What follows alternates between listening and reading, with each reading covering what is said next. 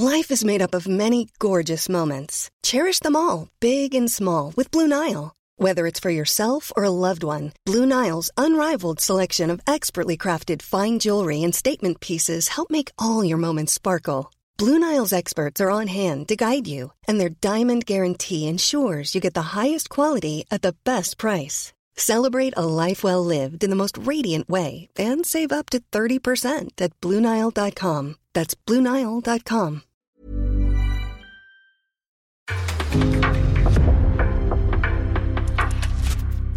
En podcast från Aftonbladet.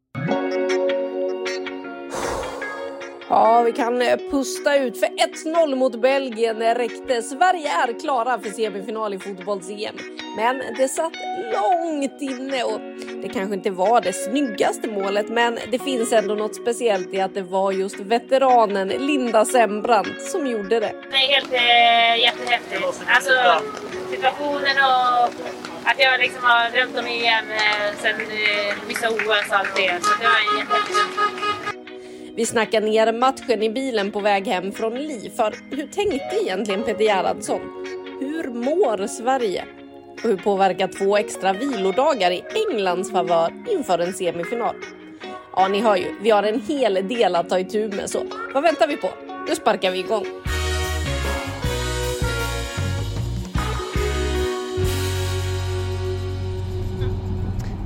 Är ni redo? Vad har du för mick nu? Ja men nu blev det den här för poddmicken är tydligen kvar på rummet. Ja. Oj, jag gillar, jag gillar hur alltid liksom så här. Konstigt att det ändå så ordning och annan reda panna men ändå. Vill liksom- Ja, den är tydligen kvar på rummet. Så det är Det ingen, det är ingen annan som har gjort det. är inte Hon själv har inte gjort något utan Nej, om, nej, omständigheterna Det är liksom poddmicken som är kvar på Ja, rummet. den glömde åka Det med. är inte, det är inte Anna som inte har lagt Nej. ner poddmicken. Utan den glömde, den, den, den glömde hoppa i väskan den här gången. Ja ni hör ju det börjar bra här och det är absolut poddmicken som glömde åka med i bilen hem från eh, den här kvartsfinalen. Eh, För hörni nu är vi på väg mot semifinal. Frida vi börjar där. Hur känns det? Jag, jag tror inte jag har riktigt eh, tagit in det än. Jag lär väl göra det de, dessa kommande dagar men det blir eh, såklart lite extra emotionellt för mig som eh, jag har familj och sådär här. Har, har redan fått lite så här hets från, från diverse anhöriga så att det kommer bli, eh, det kommer bli väldigt, väldigt speciellt. Kul också tycker jag att det semifinalen spelas på Bramall Lane, att vi håller oss här uppe i, i, i norra England och Hedvig Lindahl nämnde ju det också att hon tycker ju nästan att det här är deras hemmaplan. Trots att det då eh, kommer att vara väldigt mycket engelska fans på, på läktarna så att nej, det kan, eh, det kan ju nästan inte bli bättre. Det här. Nej, vi ska prata mer om eh, den där semifinalen om en liten stund men vi ska börja med det som hände i Li denna fredagkväll när Sverige alltså till slut vann mot Belgien och vi kan väl lyssna på Magdalena Eriksson om vad det egentligen var för känslor där i den 92 minuten när Linda Sembrant sätter det avgörande målet. Nej, det var så många olika känslor. Alltså det var... Jag skulle nog säga lättnad först och främst för jag kände att vi hade byggt upp så mycket och vi var så nära på så många hörner och så många chanser och så äntligen fick vi in den. Alltså, jag kunde känna gråten i halsen när jag sprang bort mot eh, tjejerna på bänken. Eh, fantastiskt. Ja, hur var det att få fira där med alla? För ni samlades verkligen alla vid bänken. Nej, det var magiskt. Det, det, det är som bäst när man får fira allihopa tillsammans. Och det är så otroligt viktigt att vi har med oss hela gänget i det här. Och, eh, hela laget har varit fantastiskt den här veckan. Det har inte varit en lätt vecka för oss som lag, men eh, vi, har, vi har hållit ihop och visat att vi är riktigt starka mentalt. Och det, det visar vi idag, att vi slutar aldrig försöka, vi slutar aldrig kämpa. Ja, Petra Thorén som också sitter med här bak i bilen. Vad säger du om sättet det till slut avgörs på? Ja, ehm, där och då så tänkte man att det ska väl inte gå då in, utan det, det lär ju bli förlängning eftersom Sverige ändå har haft så otroligt många chanser som, som eh, Belgiens målvakt eh, framförallt stått upp emot men även deras försvar och som Sverige har missat. Eh, men nu så här med lite, lite distans så sitter jag och är, är lite fundersam till eh, liksom Peter Gerhardssons eh, liksom ingång i hela den här matchen och även hans coachande. Och eh, han var väldigt eh, liksom, alltså, hemlighetsfull och ville inte släppa några fördelar till Belgien och då tyckte vi lite grann att han övervärderade den eh, faktorn att, att liksom de, de kunde väl ändå gå, gå in mot Belgien ganska självsäkra och, och liksom spela sitt spel och inte vara så beroende av att Belgien fick reda på någon liten detalj i det svenska spelet. Men ändå även under matcherna liksom, när han ser att det här börjar hända och Sverige inte eh, sätter sina chanser men ändå har liksom haft den här startelvan som har malt ändå ner sitt motstånd. De börjar bli ganska trötta de belgiska spelarna. Eh, och så gör han inte den här slutelvan. Han brukar ju alltid byta in sin slutelva och prata om den. Utan han, han väntar med bytena och väljer alltså att väga in förlängningen då istället för att ha modet att gå för att punktera matchen. Och det där är någonting som jag nu i efterhand eh, funderar på. Att jag, jag tycker det var lite, lite, lite fegt utav Peter Gerhardsson. Du bara, du bara lägger över eh, micken till mig. Jag vet inte, jag... Jag kan hålla med för jag tyckte särskilt kan det vara de tio sista minuterna där man känner att Sverige tappar lite ändå. De var så oerhört dominanta och det ska ju sägas också att de landar alltså på ett expected goals på 3,55 kontra Belgiens 0,11. Alltså de siffrorna, statistik säger väldigt mycket och det där är så dominanta siffror att jag har inte, jag kan inte ens minnas att jag har sett det alltså i en, i en eh, alltså i en, i en mästerskapsmatch så här i ett slutspel. Och definitivt inte i, i ligaspel heller om man tänker de ligorna man följer. Alltså det, det, här är, det här är extrema siffror. 33 avslut kontra 3 då för Belgien. Alltså de, ja, och det måste man på något sätt väga in i det här också. Alltså man måste kunna se nyktert på den här matchen och, och förstå att de hade inte marginalerna helt på sin sida. Snarare så hade ju faktiskt Belgien det väldigt mycket och sen har de en bra målvakt där i Evrard som gör ju faktiskt, blev utsedd till matchens lirare också och eh, ja, gjorde no några riktigt fina räddningar. Men jag håller med om att jag trodde ändå att att Hurtig eventuellt skulle komma in då med tanke på att Rolfö inte riktigt liksom kom in i det igen. Men Hurtig började ju inte ens värma upp förrän det var ju mot slutet där som hon liksom klev, klev upp från bänken och, och började värma. Så att, ja, han hade helt klart eh, en, en matchplan eh, då som sträckte sig över 120 minuter. Det, det, var ju, det kunde man ju se. Men om jag då ska sticka in här, du är inne på hur höga de här expected goals siffrorna är. Sverige skapar ju otroligt mycket chanser men det tar 92 minuter innan det blir mål. Hur oroväckande är det?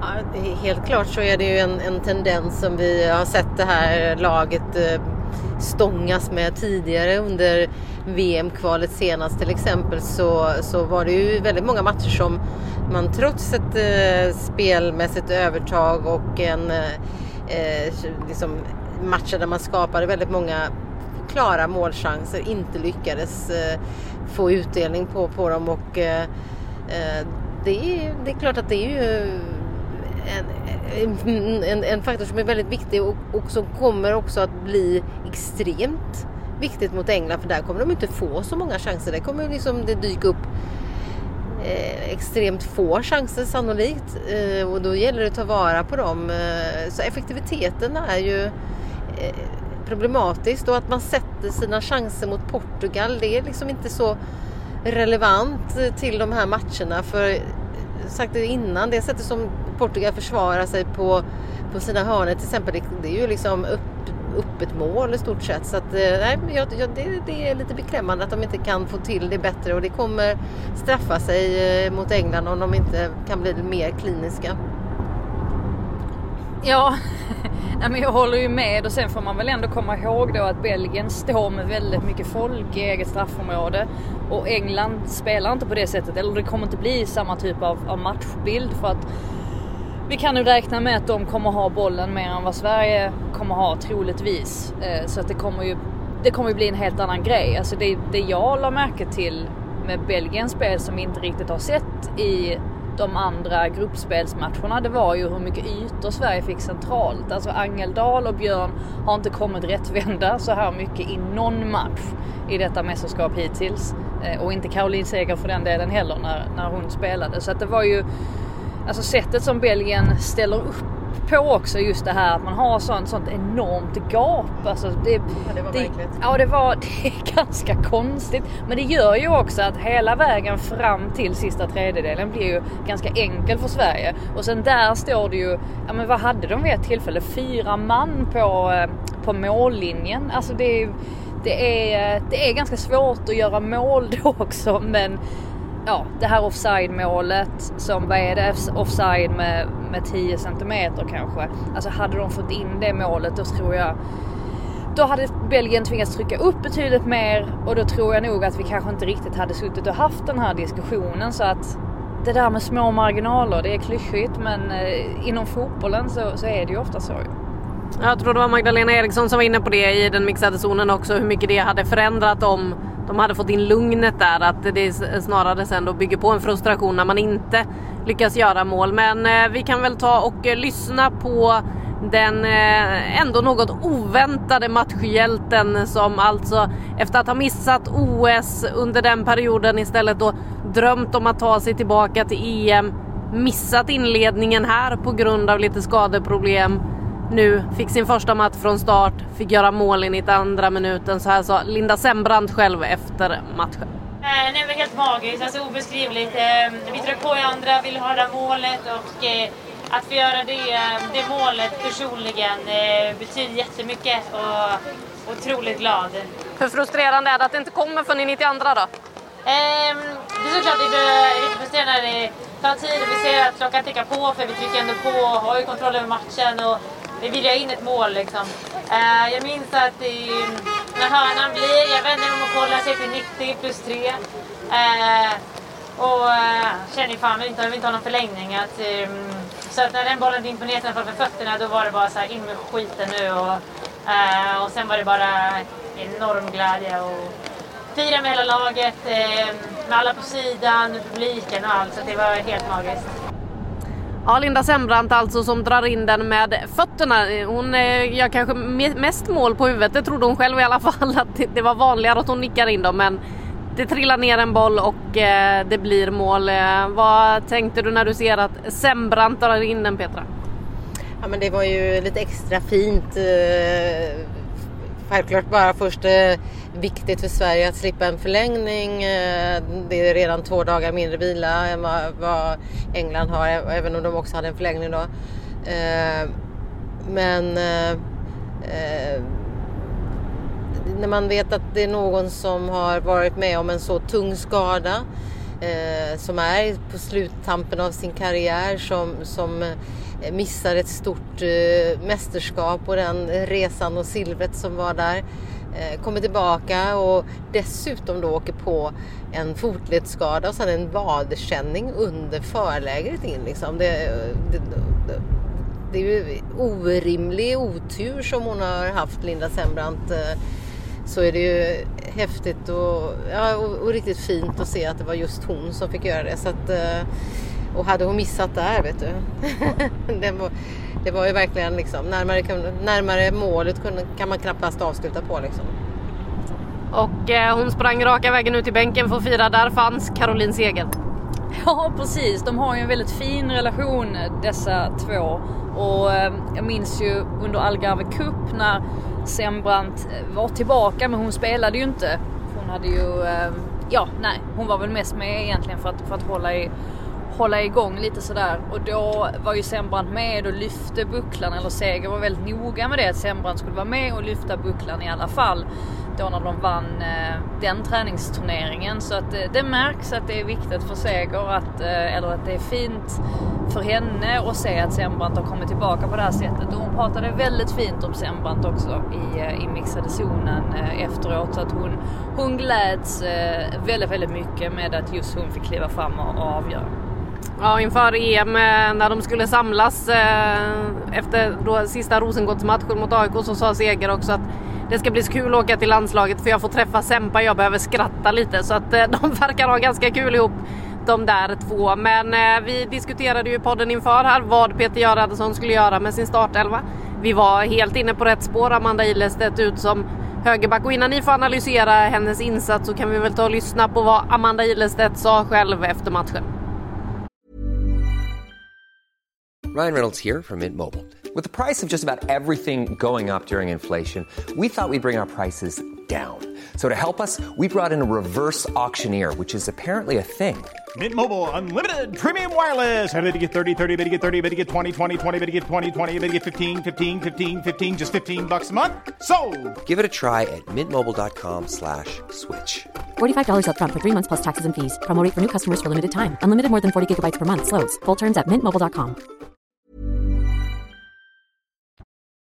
Ja, nej, men vi fick jobba hårt för den här segern. Jag tycker Belgien gör det riktigt, riktigt bra. Eh, vi har ändå ett par chanser som dansar på mållinjen så att det kändes eh, riktigt gött att få ta med oss vinsten. Ja, du var en av dem som hade bland annat en farlig nick i första halvlek. Vad säger du om din egen insats idag och din roll som högerback? Ja, nej, men eh, jag försökte bidra med så mycket jag kunde. Skulle fylla på mycket i boxen och det var där mitt fokus var. Och vinna mycket närkamper och nickdueller och eh, det kändes ändå så bra. Ja, Frida, vad säger du om Amanda Ilestedts eh, inhopp som högerback när eh, Hanna Glas och Emma Kullberg fick titta på matchen från Carden Park? Nej, men jag, jag älskar ju sånt här. Jag älskar ju när en spelare får väldigt tydliga instruktioner om att göra någonting som, det är väl inte helt galet men det är ju ändå lite Ja det märktes ju att det här hade de ju verkligen suttit och, och, och klurat på och tänkt att nu ska vi utnyttja att eh, Belgiens vänsterback är typ 1,30. Nej inte riktigt va, 1,50 i alla fall. Väldigt väldigt kort. Och eh, Ilstedt hade ju en väldigt intressant roll just i det här att hon eh, helt plötsligt kunde hänga med upp och blev nästan lite som, kanske inte riktigt som jag satt ju och tänkte där på Trent Alexander-Arnold för han har ju också en liknande roll i Liverpool att han kliver in Eh, väldigt mycket centralt och eh, liksom tvingar den som är ytter att, att, att driva ut ännu mer och ofta också att det finns andra spelare som behöver eh, täcka upp för honom defensivt.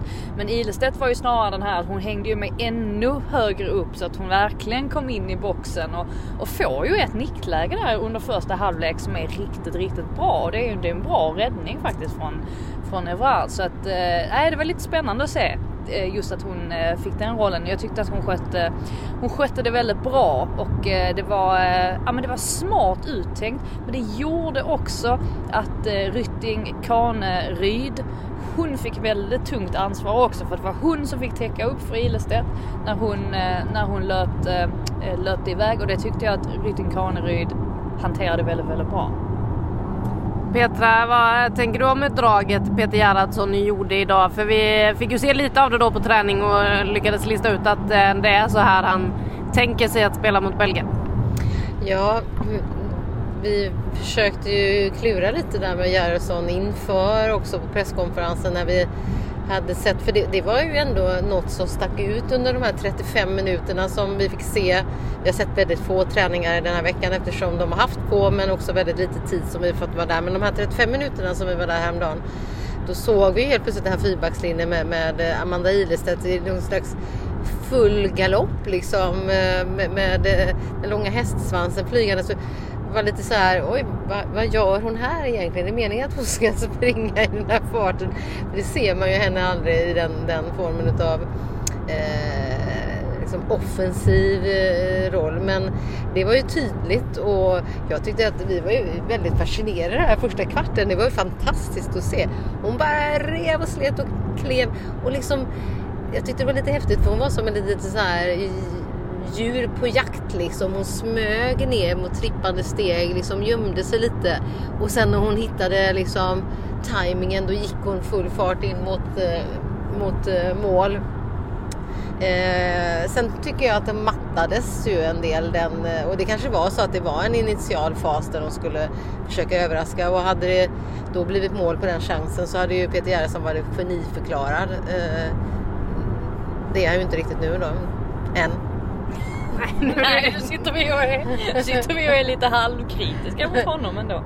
Ja men jag tycker han bytte för sent idag faktiskt med, med lite så här distans. Eh, Alltid svårt när man eh, formulerar sig på, på strax efter matchen är slut men, men nu med lite distans så känner jag ah, eh, kunde kanske ändå liksom slängt in liksom i ett byte där i alla fall skjutit in två offensiva spelare med ny kraft för att försöka liksom punktera matchen innan, innan slutsignal. Så att eh, ja, jag är lite, lite kritisk.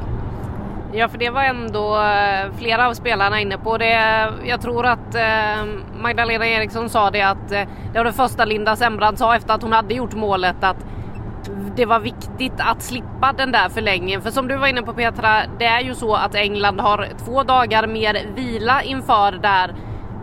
Spelarna poängterade ju då att ja, men de hade en tuff match, fick slita, fick eh, 30 minuter extra, men hur mycket kan det här påverka egentligen? Nu klarade sig Sverige då, som tur är, undan en förlängning åtminstone. Nej men det tror jag absolut kan, kan spela in. Sen så påtalade Hedvig någonting som jag själv inte hade funderat på än. Så det är ju att Sverige slipper ju faktiskt resa sådär jättelångt nu. De har ju mycket närmare Det till. har alla pratat om flera gånger. Ja du har kanske det. Ja men då har jag, då, då har jag stängt av. Ja, Tack för att du stänger av den frekvensen. packa och packa också. Ja precis. Då har jag stängt av. För att eh, England bor ju nere i Teddington utanför eh, London, söder om London. Och det är en ganska bra bit därifrån och de kommer inte resa till Sheffield förrän på matchdag. Så som jag har förstått det för att de tränar nere på sin, sin resort. Eller, eller dagen innan såklart dagen menar jag. Ja förlåt. Dagen innan eh, självklart. Men de kommer träna på sin eh, på sin anläggning där nere och sen kommer de resa hit till, till Sheffield och, och bo på hotell. Så att det kan ju också vara en där grej som kanske är fördel Sverige då och plus då att som Hedvig också var inne på att nu känner de den arenan väldigt bra. Så att ja, vem vet, det, vi kanske kan hitta eh, och hon tog upp en, en annan intressant grej också just det här med att det kommer vara väldigt, väldigt många engelska fans på läktarna såklart. Eh, matchen är ju slutsåld sedan eh, länge. Men det är ju en lite liknande situation som det var under OS 2014 när de mötte värdnationen Brasilien i kvartsfinalen var det va? Ja. Semifinalen på Semifinalen. Maracana. För det var USA i, i kvartsfinalen. Stämmer bra.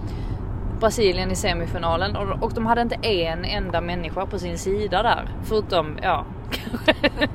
Ja, vi var ju ett gäng svenska journalister där i alla fall som åtminstone inte var emot Sverige. Vi stod väl inte och hejade precis eh, som alla galna brasilianer för det trycket som var på Maracana framförallt under straffläggningen var ju något helt enormt. Ja, hon sa ju just det här att ja, men det vore ju inte så dumt att tysta engelsmännen den här gången. Så att ja, man kan nog vrida och vända på det här hur mycket som helst. Jag tror att det passar Sverige ganska bra att ha underdog-stämpeln.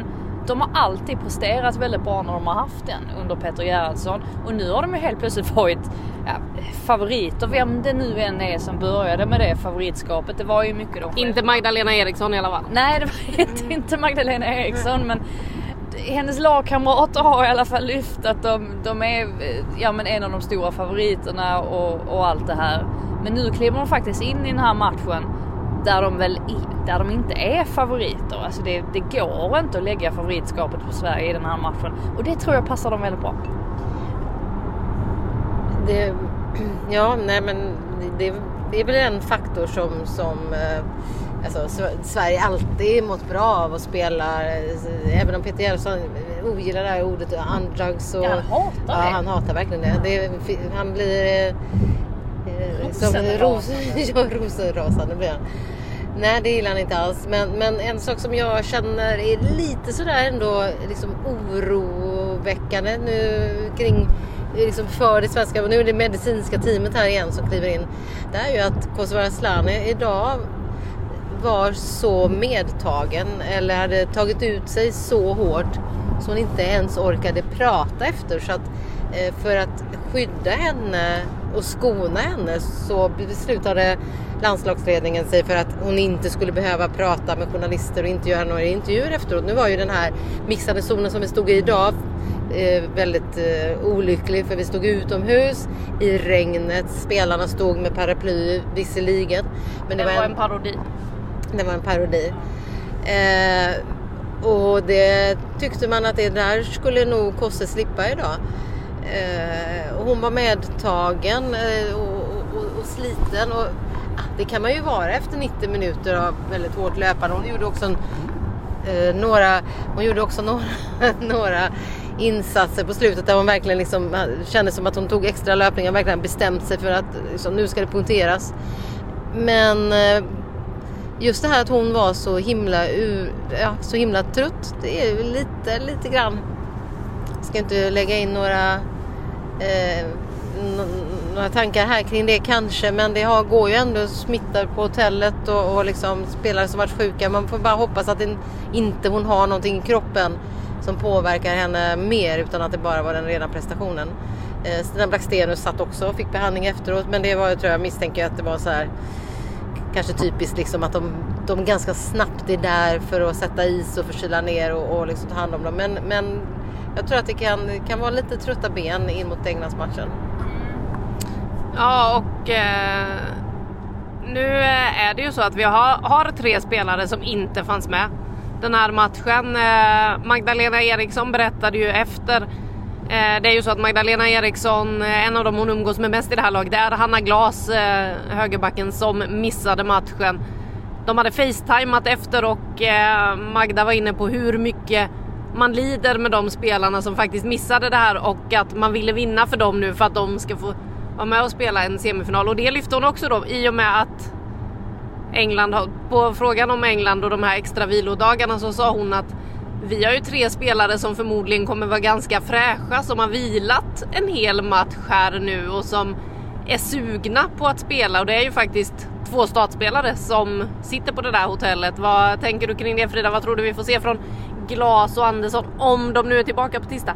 Ja, nej, men jag tänker ju väldigt mycket på Jonna Andersson där. Eh, för hon, även om Amanda Nildén, jag tyckte att hon gjorde, gjorde en fullgod debut här och kommer in i ett ganska svårt läge ändå på något sätt. Alltså hon har ganska mycket press på sig och, och levererar sådär i och med att det är en EM-kvartsfinal och det tyckte jag att hon, hon skötte bra. Men Jonna Andersson, det är ju ytterligare en dimension på något sätt. Och att hon som ändå har haft lite så här, ja men lite kramp och så efter matcher, att hon har fått chansen att faktiskt vila. Det tror jag är en jättefördel för, för Sverige. Verkligen. Och Petra, vad sa Peter Gerhardsson om statusen på de här spelarna egentligen?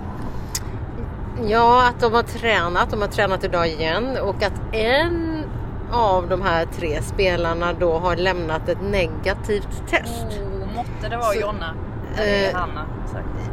Det, det, det mest rimliga att tro är ju att det är en av dem som eh, ändå lämnade en liksom, positiv test först. Att det har gått liksom och då kanske det är Hanna Glas eller Emma Kullberg då. Men att den spelaren ändå inte ansågs vara tillräckligt liksom, i bra status för att vara, vara med och spela då. Dessutom spelade ju inte Caroline Seger idag. Eh, hade kanske möjligen varit aktuellt för ett inhopp men det lät inte riktigt heller så på, på, på Peter Gerhardsson. Jag vet inte, hon kanske sa det själv. Ja, nej det gick inte. Nej, Eh, nej hon har känt någon på uppvärmningen tror jag va? Att det var sisådär. Ja, det var inte hundraprocentigt. Eh, Hon kan inte heller svara på om hon är tillbaka till, eh, till semifinalen. Hon, eh, jag tror att de tar en dag i taget helt enkelt med henne just nu. Ska hennes pappa boka Wembley igen eller vad säger du? Eviga följetongen här. Ja, nej men nu har jag ju försökt jinxa fram och tillbaka. Eller jag har gjort allt känns det som för att, för att eh, man ändå ska få Sverige på banan igen. Och, och ehm, jag, jag tror att de har, de har en bra chans mot England. Och jag märker ju det på, på mina vänner och sådär och kollegor. De, är, de har väldigt mycket respekt för Sverige. Och är nästan lite så här att ja nej det här kommer aldrig gå säger de. Och detta är ändå ett England som har imponerat ja, men ändå mycket. Visst de första halvlek mot, mot Spanien var väl inte sådär överdrivet eh, bra egentligen. Men de var ändå tillräckligt starka för att vinna den matchen till slut. Så att de borde ju vara fullpumpade med självförtroende. Men jag, jag tror att det finns ganska mycket respekt för Sverige där någonstans. Och eh, ja, eh, 50-50 sa Caroline Seger om, eh, om matchen i stort. Och jag kan väl ändå, även om favoritskapet, vi lägger över det på England, men jag tycker ändå att Sverige har en, har en väldigt bra chans att ta sig till final. Magda ville inte uttala sig om favoritskapet i den här matchen, är ni förvånade? Men eh, hon sa också 50-50 tyckte hon eh, kändes rimligt inför det här. Nej men det har de ju, det har de ju sagt det i omklädningsrummet. Nu ska vi gå ut och säga 50-50. De får, de får sluta med sånt där. Man märker ju det att de pratar ihop sig och levererar samma svar. Det var väl befriande då med Nildén som gick ut och slog fast att Sverige är favoriter. Ja. Och sen stod Rytting Kaneryd så, så eh, fick hon höra att Nildén hade sagt det och så sa hon ja ja det får väl jag också säga det. Ja, det är bra. De, de har inte varit med tillräckligt länge för att förstå liksom. De två mästerskapsdebutanterna blir satta på pottan här ute i den mixade zonen i ösregnet i Li som det ändå blev till slut. Eh, Och eh, Filippa Angeldal hon var ju faktiskt inne på att de svenska fansen ska måla Sheffield eh, gult och blått igen eh, när det nu väntar semifinal. Så ja, vi får väl se ni gör grimas i baksätet båda två. Jo men alltså det kommer ju inte komma så många svenska supportrar. Det kanske, nu var det 500 idag. Eh, De hade en kvot på 1000 biljetter och det kommer de väl ha till semifinalen också. Så att eh, skulle Sverige kunna fylla på med några hundra till, kanske lite lättare med biljetter mitt i veckan, så hade det varit bra. Men det kommer ju inte vara någon eh, blågul färgning av staden. Det kommer ju vara vitt. Fördelen är ju att gult, att gult syns väldigt bra i alla fall. Så de som är där, de kommer synas eh, åtminstone. Men jag funderade lite på det här med, för Petra du var ju inne på att eh, Peter Gerhardsson kanske var lite feg med sina byten. Eh, I England har vi Sarina Wigman som jag eh, får Harry Potter-vibbar av. Jag tycker hon hade passat jättebra som lärare på Hogwarts. Hon hyllas ju för sina mm, byten i matcherna. Men det är ju också så att hon har inte roterat i sin startelva. Det har varit samma startelva hela vägen för England. Ja det har det. Och det har ju funkat väldigt bra för henne. Hon, hon har ju en tendens att göra ett sånt här trippelbyte sen eh, under andra halvlek, mitten av andra halvleken. Där hon bland annat då sätter in Alessia Russo som vi har pratat väldigt mycket om. Och eh, även eh, Ella Thun är en sån som också har fått chansen.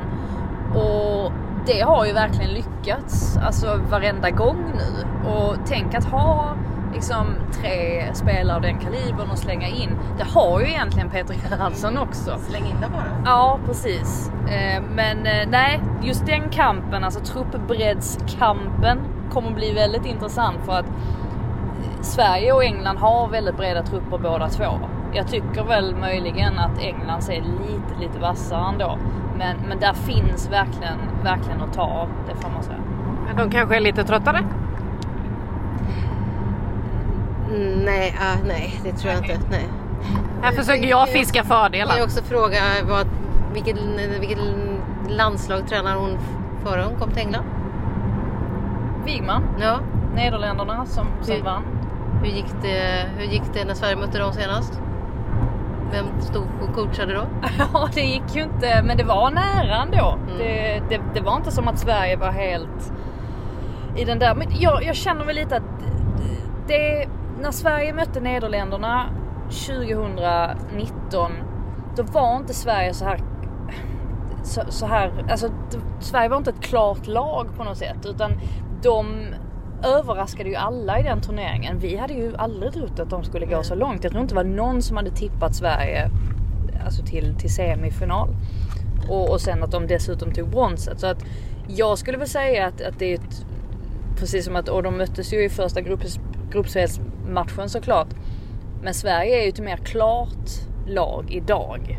Så att man kan inte riktigt jämföra med 2019. Nej, jag bara tänker att det är också en förbundskapten som kan Sverige väldigt väl. Ja, verkligen. Eh, så att det kommer bli liksom mm, ett nytt schackparti då som ska spelas här mellan eh, förbundskaptenerna och deras matchplaner och i grund och botten så, så är det, tänker jag att det får inte vara så att eh, du säga något nu? Nu sticker du upp Nej men nu, nu blir jag så, jag så taggad. Jag bara menar att, eh, jag tänkte bara säga att hon kommer inte anpassa sig. Nej, men och jag menar att risken är ju att, känslan är ju att Peter Gerhardsson lite grann eh, har gått in i det där. Och jag känner bara så här. Eh, Peter Gerhardsson pratade på presskonferensen om att han nästan hellre hade velat möta Spanien egentligen för att det är ett motstånd som Sverige inte har mött så ofta. Han är lite nyfiken på vad de kan göra där. Och jag återkommer då till någonting som jag såg hos honom som klubbtränare. Och det är det här processen. Han älskar processen. Han älskar spelarutbildning, utveckla eh, ett lag, forma ett lag som han har gjort med det här svenska laget. Men hur mycket älskar han att vinna? Eh, och där, det, det, det blir intressant för det kommer bli lite avgörande tror jag. Ja men det är ju det som är det är det som kommer bli väldigt häftigt med den här matchen tycker jag. Just det här med att vi, vi kan räkna med att Wigman att de, de kommer köra på sina principer. Även om de här matcherna som England har spelat att de har varit väldigt olika så har de ändå liksom haft samma typ av spelidé i alla matcher.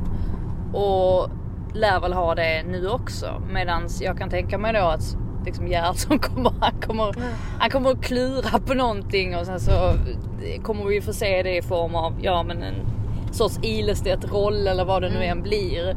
Och det kan jag tycka är lite, det är, det är underhållande. Det, jag tycker det är väldigt underhållande att se det här svenska damlandslaget. Ja visst, det klickar inte alltid i, i eh, kombinationsspelet på sista tredjedelen och, och, allt det här. Men det händer alltid någonting. Det är alltid intressant att följa. Ja vi får se hur mycket du får sova natten innan den där matchen eller hur mycket du kommer grubbla på vad Peter Gerhardsson egentligen har sagt, tänk och, tänkt och vill. För vi kan väl misstänka att eh, vill han inte släppa någonting inför Belgien så kommer han definitivt inte vilja släppa någonting inför England. Det blir eh, några spännande dagar att vänta och eh, med det så rullar vi faktiskt in i Chester. Vi blir kvar här i några dagar innan vi tar sats mot Sheffield och eh, semifinalen. Vi kommer givetvis att komma tillbaka i en podd nära dig när vi närmar oss eh, 5 plus. Hörni, vem vill ni ge det? Ja, Linda Sembrant eh, tänker jag är värd det.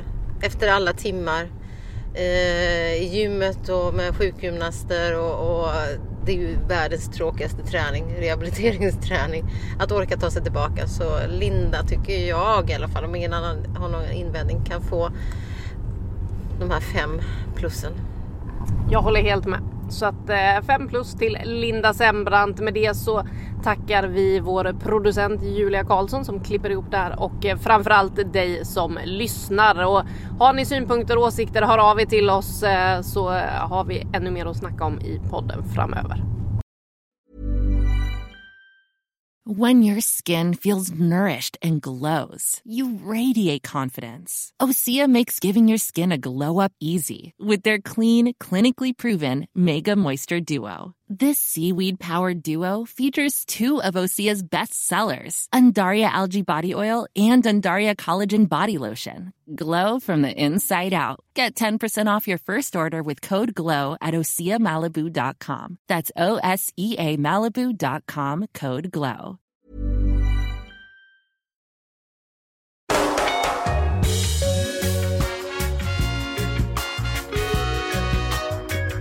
Du har lyssnat på en podcast från Aftonbladet. Ansvarig utgivare är Lena K Samuelsson.